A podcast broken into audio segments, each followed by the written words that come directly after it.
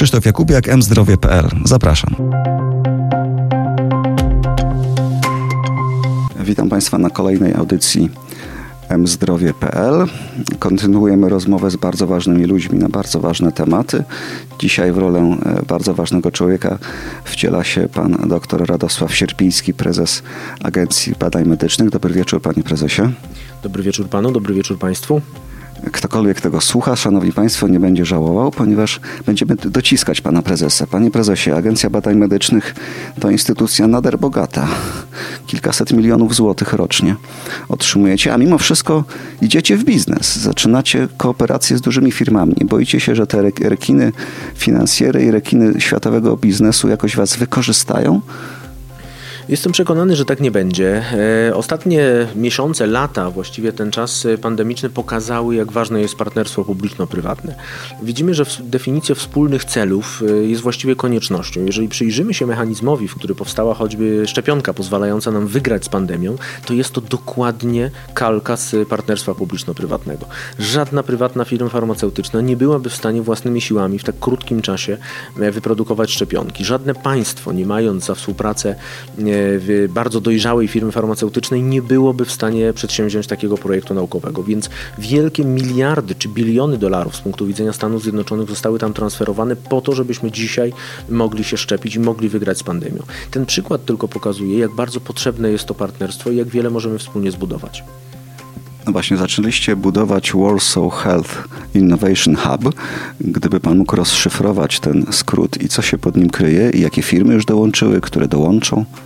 E, oczywiście e, e, sama idea to właśnie stworzenie hubu biotechnologicznego. Nazwa powiedziałbym jest europejska czy światowa, więc mam nadzieję, że wypłyniemy na szerokie wody. Już dzisiaj, jeszcze rano mogliśmy mówić, że partnerów było pięciu, teraz możemy mówić, że jest ich sześciu, bo dołączyła IQVIA. Cieszymy się, że dołączają do nas firmy tak polskie, jak i wielkie korporacje międzynarodowe o różnych zakresach kompetencji, a więc Microsoft specjalizujący się w zdrowiu cyfrowym, a więc firmy biotechnologiczne, technologiczne czy farmaceutyczne, rozumiane jako mm, wielkie korporacje. E, no i wreszcie firmy, mm, które mają kompetencje takie jak IQVIA, czyli kompetencje zarządcze czy w realizacji badań klinicznych. E, już teraz na moim biurku spoczywa, e, spoczywają kolejne cztery aplikacje kolejnych firm, więc zaraz będzie tych partnerów powyżej 10. Do końca roku mam nadzieję ponad 20. Taki postawiliśmy sobie mm, cel i wydaje się, że jest on do osiągnięcia. No ale co one będą robić w tym hubie? No właśnie, e, czym więcej firm, tym więcej pieniędzy i tym więcej inwestycji w rozwój innowacji w Polsce. E, myślę, że nie zdradzę tajemnicy, jeżeli powiem, że w ramach hubu e, dzisiaj rano podpisałem pierwszą umowę konsorcjum, które zawiązali nasi pierwsi partnerzy, którzy zadeklarowali zainwestowanie miliona złotych w pierwsze projekty w zakresie zdrowia cyfrowego, telemedycyny czy medycyny personalizowanej. Mówimy o dość precedensowej sytuacji, kiedy podmioty prywatne inwestują w polską naukę, inwestują w polski system ochrony zdrowia nie odwrotnie. To nie państwo wyłożyło pieniądze, ale to firmy właśnie powiedziały, tak, to jest miejsce, w którym chcemy innowacje rozwijać. No ale jakie oni będą mieli z tego korzyść? Myślę, że korzyści są obopólne, bo definicje priorytetów, które zaproponowaliśmy naszym partnerom, są konsultowane z mm, tak zwanymi partnerami publicznymi. Mam na myśli NFZ, mam na myśli Ministerstwo Zdrowia. No, jesteśmy w stanie sobie wyobrazić sytuację mm, przykładową, gdzie wspólnym priorytetem dla resortu zdrowia i dla firmy farmaceutycznej będzie poprawa opieki nad pacjentem onkologicznym. Firma oczekuje, że dzięki temu będzie, nie wiem, sprzedawać więcej produktów, będzie miała większe dotarcie do systemu, podczas gdy e, Ministerstwo Zdrowia oczekuje lepszej opieki. Więc tego typu projekty, projekty optymalizacyjne czy z zakresu telemedycyny, e, no, mogą spowodować bardzo wyraźny impact systemowy i one są całkowicie zbieżne, tak dla strony publicznej, jak i prywatnej. E, a polskie firmy farmaceutyczne wchodzą, że tak powiem brzydko, w tę współpracę. Z jakiego powodu? Y, jak najbardziej. No, y, oczywiście mamy na pokładzie od samego początku Polfarmę, która jest no, chyba najbardziej znaną, największą, najbardziej obiecującą polską firmą farmaceutyczną, więc z tego się cieszymy. Kolejna... Proszę uważać, bo Adamet się obrazi. Kolejna aplikacja już jest na moim biurku, nie chcę powiedzieć właśnie jakiej firmy, e, więc y, no, możemy te firmy policzyć na palcach jednej ręki, e, więc tym bardziej chcielibyśmy gromadzić e, je wokół siebie. Myślę, że te firmy mają przynajmniej kilka celów. Po pierwsze, nawiązują współpracę z wielkimi korporacjami międzynarodowymi. I to jest cenne i zawsze będzie cenne. Widzimy, że w wypadku szczepień Novartis udostępnia linie produkcyjne Pfizerowi, że wspólne projekty naukowe czy badawcze dzieją się na poziomie mniejszych firm, jak BioNTech y, w Niemczech czy, czy właśnie Pfizer. Więc tego typu kolaboracja na pewno jest naturalna i mogą z tego urodzić się korzyści obopólne. Z drugiej strony, no te firmy też y, mają bardzo konkretne cele, które bardzo często są znowu zbieżne z celami systemowymi, jak choćby inna postać leku, czy łatwiej przyswajalny lek. I właśnie w ramach hubu chcielibyśmy takie problemy rozwiązywać, które dadzą korzyści naszym partnerom komercyjnym, a z jednej strony przysłużą się dobru społecznemu. Czy są już jakieś pierwsze konkretne umowy na konkretne projekty podpisywane i kiedy możemy spodziewać się pierwszych rezultatów? E, ja zacznę odpowiedź od drugiej części pytania. Pierwsze rezultaty mam nadzieję za 12 miesięcy. Założyliśmy sobie, że projekty będą nie dłuższe niż rok. Chcemy, żeby to były quick winy i myślę, że z punktu widzenia biotechnologii szeroko pojętej, czy, czy w ogóle telemedycyny, to naprawdę jest niewiele czasu. Teraz podpisaliśmy, jak mówiłem, pierwszą umowę konsorcjum. W ciągu miesiąca ogłosimy konkurs na pierwsze e, projekty. No i te projekty właśnie e, w ciągu roku będą musieli, musiały się skończyć. Także końcówka roku 2022 to na pewno jest ten czas, kiedy mam nadzieję pochwalić się Państwu Państwu e, pierwszymi sukcesami. Czy mechanizm finansowy tego przedsięwzięcia, które Agencja Badań Medycznych e, inicjuje, polega na bezzwrotnych dotacjach, czy też mm, chcecie mieć zwrot z inwestycji? Jest z nami pan prezes Agencji Badań Medycznych Radosław Sierpiński. Pytamy o pieniądze.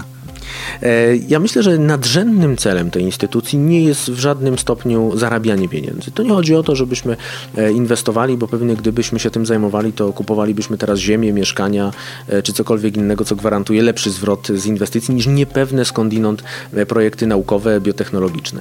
No, nic nie przebije zwrotu z inwestycji szczepionki na COVID.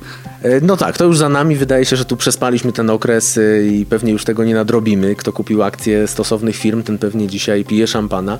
Natomiast e, nadrzędnym celem tej instytucji jest poprawa jakości opieki zdrowotnej w Polsce, dostarczenie nowoczesnych rozwiązań i niejednokrotnie optymalizacja tego systemu. I myślę, że wszystkie te cele są zrealizowane.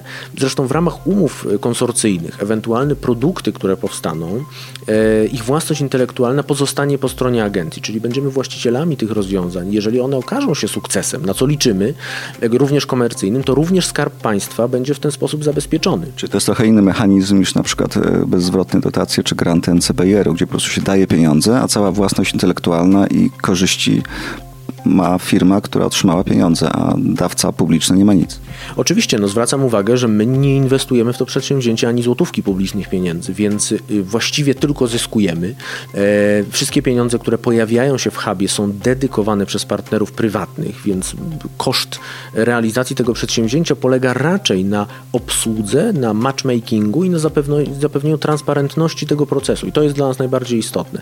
A myślę, że te zyski, e, które otrzymujemy w zamian są i tak niewspółmierne w stosunku do nieznacznych nakładów, które podejmujemy. Czy są jakieś obszary, które Pana zdaniem są najbardziej obiecujące, jeżeli chodzi o te partnerstwo publiczno-prywatne? Nie wiem, onkologia, biotechnologia, kardiologia, cokolwiek? Mm, pewnie y, najłatwiej byłoby powiedzieć dziedzinami medycyny, czyli właśnie onkologią czy kardiologią. Jednak pokuszę się o inną klasyfikację. E, raczej zmierzałbym w takim kierunku, gdybym miał nazwać te potencjalne sukcesy, żeby były to wyroby medyczne, zdrowie cyfrowe i telemedycyna.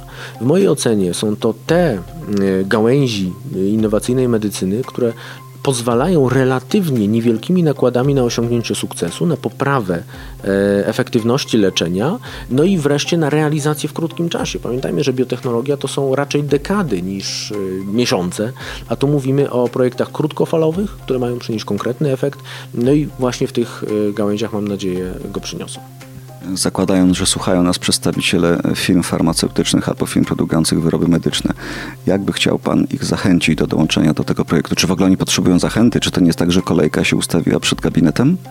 E, miło mi przyznać, że faktycznie zainteresowanie jest duże i myślę, że firmy farmaceutyczne dostrzegając potencjał tego rozwiązania chętnie w niego wstępują i nie potrzeba im jakichś dodatkowych zachęt. Ja chcę powiedzieć, że e, na pewno precedensowy charakter e, tego partnerstwa publiczno-prywatnego jest taki, że nikt na tym nie straci, więc samo bycie tam już jest wartością samą w sobie. Jeżeli okaże się to sukcesem, na co liczę, to jestem przekonany, że kolejni partnerzy będą dołączać, że wspólnie będziemy mogli chwalić się sukcesami, któreśmy osiągnęli i wówczas pojawią się o wiele większe wolumeny finansowe, a jeżeli pojawią się nakłady, to jestem przekonany, że też będą no, te sukcesy w o wiele większej skali. To jeszcze na koniec pytam, jakieś inne kierunki rozwoju współpracy z biznesem Pan planuje w najbliższym czasie, jeżeli chodzi o ABM? No, jednym z elementów realizacji tej współpracy z biznesem jest plan rozwoju biotechnologii na najbliższą dekadę, który wspólnie z Ministerstwem Zdrowia wypracowujemy i w ciągu najbliższych tygodni przekażemy e, pod obrady rządu. Mam nadzieję, że tutaj spotka się to z życzliwością rządu i, i tam dedykując 2 miliardy złotych na najbliższe lata chcemy zaproponować szereg rozwiązań wspierających e, innowacyjne wyroby medyczne, które przez wiele lat nie doczekały się takiego wsparcia. Rozwiązania w zakresie zdrowia cyfrowego, sztucznej inteligencji, e, czy choćby rozszerzanie sieci centrów badań klinicznych, e, tak żeby budować ten ekosystem, żeby mm, pokazywać, że Polska jest przyjaznym miejscem do inwestowania, e, bo to też jest nasza rola, żeby pokazywać, że to jest dobre miejsce do tego, żeby zagraniczne koncerny umieszczały tutaj swoje centrale, swoje zakłady produkcyjne. E, no i wydaje mi się, że w jakimś stopniu już ten sukces osiągamy. Na koniec jeszcze pytanie o badania kliniczne, bo o badaniach klinicznych mówiło się najwięcej w momencie, kiedy przygotowano, przygotowywano i tworzono agencję. Jak wygląda dorobek agencji e, w, tej, w tym obszarze? Bo już minęły chyba dwa lata, odkąd zaczęliście e, finansować badania kliniczne, tak? E, dokładnie dwa lata, dwa lata z małym haczykiem, odkąd agencja istnieje, więc nadal rozpoznajemy się jako instytucja młoda. Niemniej myślę, że można powiedzieć, że dużo udało się już zrobić. Na pewno najbardziej namacalnym efektem działalności w zakresie badań klinicznych jest budowa infrastruktury. Mam na myśli sieć centrów badań klinicznych. Pierwsze takie centrum otworzyliśmy w Centrum Zdrowia Dziecka wspólnie z panem ministrem. E, kolejne chyba w przyszłym tygodniu w Instytucie Geriatrii. E, to naprawdę jest namacalna infrastruktura, która trafia do pacjentów, która powoduje, że w bezpiecznych, komfortowych warunkach te badania kliniczne się odbywają. Natomiast jeśli miałbym powiedzieć o liczbach, o konkretach, e, to w ciągu ostatnich dwóch lat zakontraktowaliśmy ponad miliard dwieście milionów złotych na niekomercyjne badania kliniczne. Są wielkie pieniądze. Spowodowało to przyrost blisko czterokrotny ilości niekomercyjnych badań klinicznych w Polsce, a więc więc no, nie dobijamy jeszcze do średniej europejskiej, ale na pewno ją gonimy.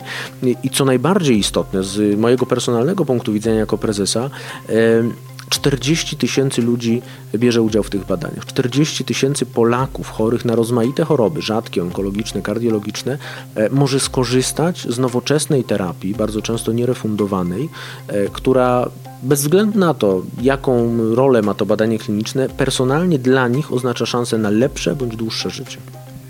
Tyle Pan opowiedział o tym, co się udało, to na koniec jeszcze pytanie, co się nie udało.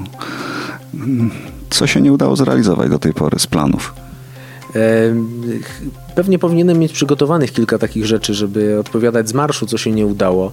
E, I myślę, że byłoby impertynencją, gdybym powiedział, że udało się wszystko. Mm, niewątpliwie wiele celów, któreśmy sobie postawili na początku pracy w agencji, zostało zrealizowanych. I mówię to z czystym sumieniem.